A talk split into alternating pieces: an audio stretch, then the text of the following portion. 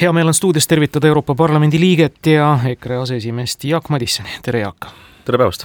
kolmekümne neljas sõjapäev on vähemasti alanud siin meil noh, nii-öelda rahu kergelt lubavate nootidega, kui Istanbulis Türgi presidendi isiklikul vahendusel on kohtumas siis nüüd juba tundub, et nõks kõvemad läbirääkijad Ukraina ja Venemaa poolelt. kas ja kui palju te neid isiklikult arvate või paneksite panuseid selle peale, et mingisugune relvarahu sealt tuleks?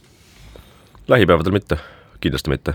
ma arvan, et hetkel ka Ukraina poolel ei ole ju põhjust hakata alla kirjutama ükskõik millisele rahuleppele, kuna Ukraina väed on saanud teatud positsioone tagasi olulistes piirkondades, ka Mariupoli ümbruses, ja samal ajal ega venelased ka ei ole veel huvitatud kuidagi nii-öelda rahulepingust või relvarahust, sest äh, hetkel on näha, et pigem vägesid formeeritakse ümber äh, Donbassi ja Luhanski piirkonda, on aru saadud tõenäoliselt, et tervet Ukrainat võtta ei anna mitte mingi valemiga ja hetkel üritatakse siis tõenäoliselt see suurim löök ja suurim edu saavutada Ida-Ukrainas, et äh, saada kontrolli alla Mariupoli ümbrus, et ühendada, kindlustada siis maismaaühendust äh, Venemaa maismaa ja Krimmi vahel ja saada enda, enda tugeva kontrolli alla terve siis äh, Donbassi oblast, mitte ainult linn. ehk et saavutada kontroll nende piirkondade üle, seega relvarahu siin lähipäevadel tõenäoliselt kindlasti ei tule. härra Madisson, endine president Toomas Hendrik Ilves ütles otsesõnu välja, et Euroopa Liidu välispoliitika on läbi kukkunud, pidades siis silmas seda, mis on juhtunud viimase natuke rohkem kui kuu aja jooksul, olete nõus? üldplaanis küll, ma arvan, et esimestel päevadel, mis peale kahekümne neljandat veebruari juhtus, oli kõigil pigem positiivne üllatus, et Euroopa Liit suutis kiiresti reageerida, suudeti kiiresti kokku leppida enam-vähem efektiivsemates sanktsioonides, kui suudeti kaks tuhat neliteist või kaks tuhat kaheksa peale Gruusia ründamist. Äh, suudeti hakata kiiresti andma ka humanitaar- ja militaarabi äh, Ukrainale, aga peale esimest nädalat oli juba näha, et mismoodi juba hakkasid arvamused erinema. kui küsimuse alla tuli ikkagi gaasi ja nafta impordi keeld, siis äh, olid vastu Saksamaa, Itaalia ja Ungari, kui räägitakse relvaabi andmisest, siis relvaabi on, on, on ainult andnud kaksteist riiki kahekümne seitsmest. Äh, täna hommikul äh, tuli ka teade, mismoodi seitsme Euroopa Liidu liikmesriigi justiitsministrid on teinud pöördumise, kuidas nad kutsuvad äh, üles mitte mingil juhul nende riigi kodanikke minema vabatahtlikeks sõduriteks Ukrainasse ja need seitse riiki, noh, üllatus-üllatus, on Saksamaa, Prantsusmaa, Hispaania, Itaalia ja Luksemburg, Holland ja Belgia ja Euroopa Liidu muidugi välispoliitika kõige läbi, suurem noh, läbikukkumine üldse olnud see, et sõda puhkes, sest et äh, veel eelmise aasta lõpus üritasid Euroopa Liidu kõrge välisesindaja ehk noh, niinimetatud välisminister Josep Borrell äh, saada kõrgetasemelisi kohtumisi Kremlis, ta läks sinna külla, kohtus Lavroviga, ta loputati seal pehmelt öeldes läbi, äh, Macron tahtis olla nii-öelda Euroopa Liidu liider suhetes Kremliga, lõppkokkuvõttes mitte kedagi ei huvitanud Kremlis, mida Macron ütleb või räägib, seega Euroopa Liidu suurim häda on olnud see, et me alati on tahetud ajada diplomaatiat aga häda on selles, et diplomaatia vahel muutub ka relvadeks, kui diplomaatilised vahendid enam ei aita. ja selles küsimuses Euroopa Liit ei ole valmis tegutsema, sest nad ei ole harjunud, et võib olla ka päriselt sõda, kus hukkuvad lapsed, kus äh, haiglad pommitatakse, kus lasteaiad lendavad õhku ja, ja pigem see on selline nii-öelda vana Euroopa mugavushäda, kus seitsekümmend aastat pole pidanud äh, päriselt sõdima oma vabaduse eest.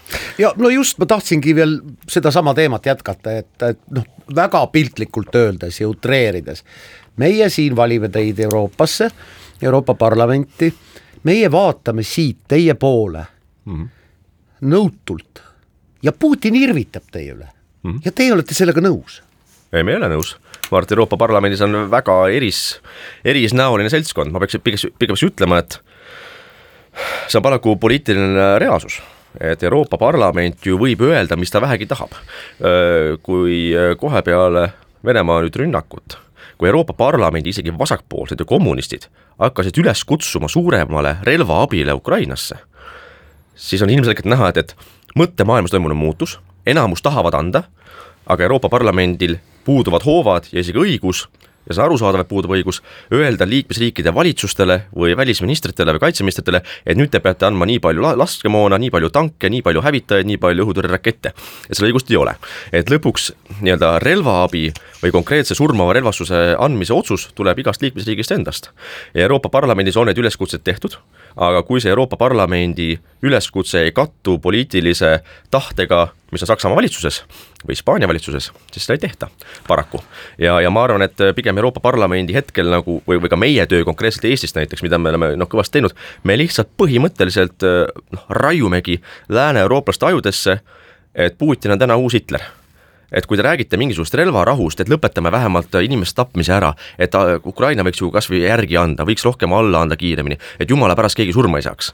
sa võid alati vastu küsida, et äh, hüva, aga prantslased, millisest territooriumist olete te nõus loobuma selle nimel, et kaks prantslast jääks ellu, näiteks? Olete nõus midagi ära andma? Või sakslased, et, et te pole ju nõus äh, niisama, teil on hea rääkida mitme tuhande kilomeetri kauguselt, et ah, pange relvad maha ja lõpetame selle sõja ära.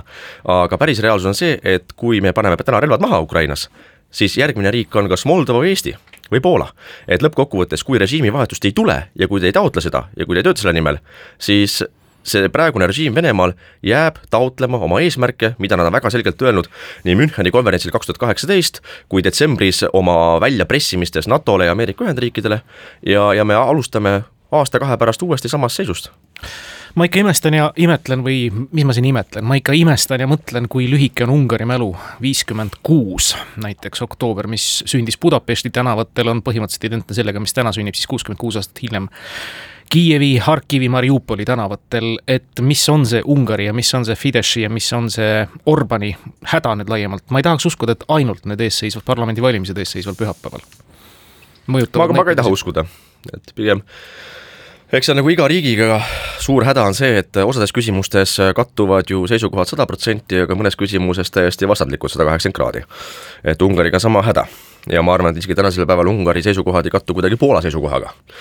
Et, et ühest küljest Ungari vähemalt hea külg on see, et nad ei ole, ei ole blokeerinud majandussanktsioone tänaseid, aga nad on selgelt blokeerinud gaasi ja nafta impordi keelamist. relvavedu vist ka. ja relva ja täpselt, ja see on teine küsimus, et nad on vähe sellest, et nad on keeldunud andmast ise relvaabi, aga nad pole lubanud ka kasutada Ungarit transiitriigina, et toimetada relvaabi siis teistelt riikidelt läbi Ungari Ukrainale. ja ma arvan, et see on väga häbiväärne, ma arvan, et see, see, on nagu küsimus, kus, kus nad väga palju poliitilist äh, profiiti just ei lõiga Euroopa, ei lõika Euroopas. et, et enamus kas või ütleme, Visegradi riikidest on selgelt Ukrainat toetavad ja otseselt abistavad riigid ja nüüd on üks riik, kes põhimõtteliselt äh, üritab väita, et äh, nende eesmärk on hoida vähemalt rahu Ungaris et noh, sama hästi võiksime ju ka Eestis väita, et meie eesmärk on hoida rahu Eestis umbes nagu kolmkümmend üheksa aasta, me ei sekku teiste riikide vaidlustesse, aga ajalugu on õpetanud korduvalt, et äh, lõpuks rahu ei kesta igavesti, vaid see jõuab ka sinu õuele ja sama häda, ma arvan, on Ungaris täna. no vot, ega see ajalugu väga palju meid õpetanud ei ole. ei ole, jaa, ei ole muidugi. kahjuks, kahjuks. tuleme kodule lähemale. et äh, ma ütlen ausalt, Jaak Madisson väga paljud minu tuttavad on üllatunult küsinud, et kas tõesti Eesti seaduste järgi siin elavad Venemaa kodanikud saavad taotleda relvaluba, hoida kodus relva ja laskemoona yeah Ja. ja nii on. absoluutselt, ja noh, ja, ja pigem mind üllatab inimeste lühinägelikkus, kui keskmine inimene täna küsib üllatunud näoga, et kas tõesti Vene kodanikel, keda on üle kuuekümne tuhande Eestis, on võimalik taotleda relvaluba, osta relv koju, sa võid osta ametlikult ükskõik kui palju relvi, sa võid osta kas kakskümmend relva. jaa, muidugi. Ja siis ma küsin inimestelt, kus te varem elanud olete, et see teema on käinud Riigikogust ja meediast läbi kaks tuhat kuusteist, seitseteist korduvalt, korduvalt, kui seesama palju vihatud äh, vastik erakond, Konservatiivne Rahvaerakond, põhimõtteliselt ruineeris Reformierakonna ministreid, et kuidas te lubate sellisel olukorral sündida. ja kui sulle väidetakse siniselt vastu, et aga sõjaohtu meil pole, meil on NATO, kõik on väga hästi, ja sa küsid, et inimesed, kas te tõesti elate nagu paralleelreaalsuses? sõda käib täna Ukrainas sõda käib aastast kaks tuhat neliteist, et ja, ja nüüd, kui inimesed väidavad, et kas tõesti on see võimalik, ma ütleks, et tundke oma valitsust, tundke oma Riigikogu, tundke oma riiki, rahvast, mis on teil lubatud, mis mitte, ja see on täiesti masendav olukord, et meil on täna tuha, üle tuhande Vene kodaniku, kes kõik võivad olla tegelikult seotud niinimetatud viienda kolonniga või vaenlase tegevusega. Ja, ja me ütleme nagu, et ai, aga me oleme nagu Lääne-Euroopa demokraatia, kus kõigil on inimõigused ja vabadused, isegi Lääne-Euroopas ei ole võimalik Vene kodanikel osta relvi. Aga meie lubame, me lubame piirkonnas, kus me oleme nagu Iisrael sisuliselt piiritletud vaenlasega. ja meie nagu mängime nagu mingisugust igavest rahu, kus ei, aga kõik on väga hästi, meil pole vaja tsiviilkaitset, meil ei ole vaja mingeid plaane, meil pole vaja varjendeid, me anname vaenlase kodanikele relvad kätte. no halloo, nagu tere hommikust, nagu kas tõesti nagu noh, et millega mõeldakse valitsuses, ma ei saa aru, või millega mõtleb ka see tänane siseminister no siseminister ja vähemasti Politsei- ja Piirivalveamet on alustanud Venemaa kodanikelt relvalubade äravõtmist või nende külmutamist või peatamist. no seda siis no, sõltuvalt noh, nii-öelda isikuti. seda ainult juhul, kui see Venemaa kodanik on tõesti nii loll, et ta vestlusel ja intervjuus ütleb, et, et jah, ma toetan Putinit, jah, ma toetan sõda Ukrainas. aga kui ta ütleb sinisilmselt, et ei, muidugi ma olen täiesti Putini vastu, äh, ma ei toeta seda sõda, siis talt ei võeta relvaluba ära ja siis öeldakse, et aga ta on ohutu kodanik. no ja see relv tuleb kuskilt kätte no, saada ja relvad on meist vähestel kuulajatest, minul näiteks ei ole, Aineril vist ka ei ole. mul on. jah, aga toit on meil laual igapäevaselt ja kui palju nüüd Euroopa südamesse jõuab prantslaste paketilauale see teadmine, et ühel hetkel, sõbrad, järgmine aasta, ületulev aasta on see pakett sul kolm korda kallim, kui Ukrainas sõda Just. nüüd jätkub. nälga ju ei tule, aga hinnad vist panevad lakke. jah, ja lõpuks see keskmine Prantsuse inimene või Saksa inimene või Itaalia inimene küsibki, aga miks me peame maksma kolm korda kõrgemat leiva hinda, sellepärast et kuskil kaugel abstraktses Ukrainas käib sõda miks me peame seda tegema? ja lõpuks äh, see poliitiline reaalsus on kahjuks see, et mida rohkem Euroopa riigid ise venitavad relvaabi andmisega, sõja lõpetamisega ja Vene vägede väljasurumisega Ukrainast, seda hullemaks asi läheb, sest lõpuks siis tekib ju avalik äh, surve valitsusparteidele Lõuna- ja Lääne-Euroopas enne valimisi, et kuulge, et, et aga, aga ma ei taha, et inflatsioon lendab üle kümne protsendi, ma ei taha maksta kord, noh, kordades kõrgemat toidu hinda või kütuse hinda. ja inimlikult on see arusaadav, et loomulikult, et miks peab Hispaania, eks ole, pensionär kannatama sellepärast, et tema leib on nüüd kolm korda kallim.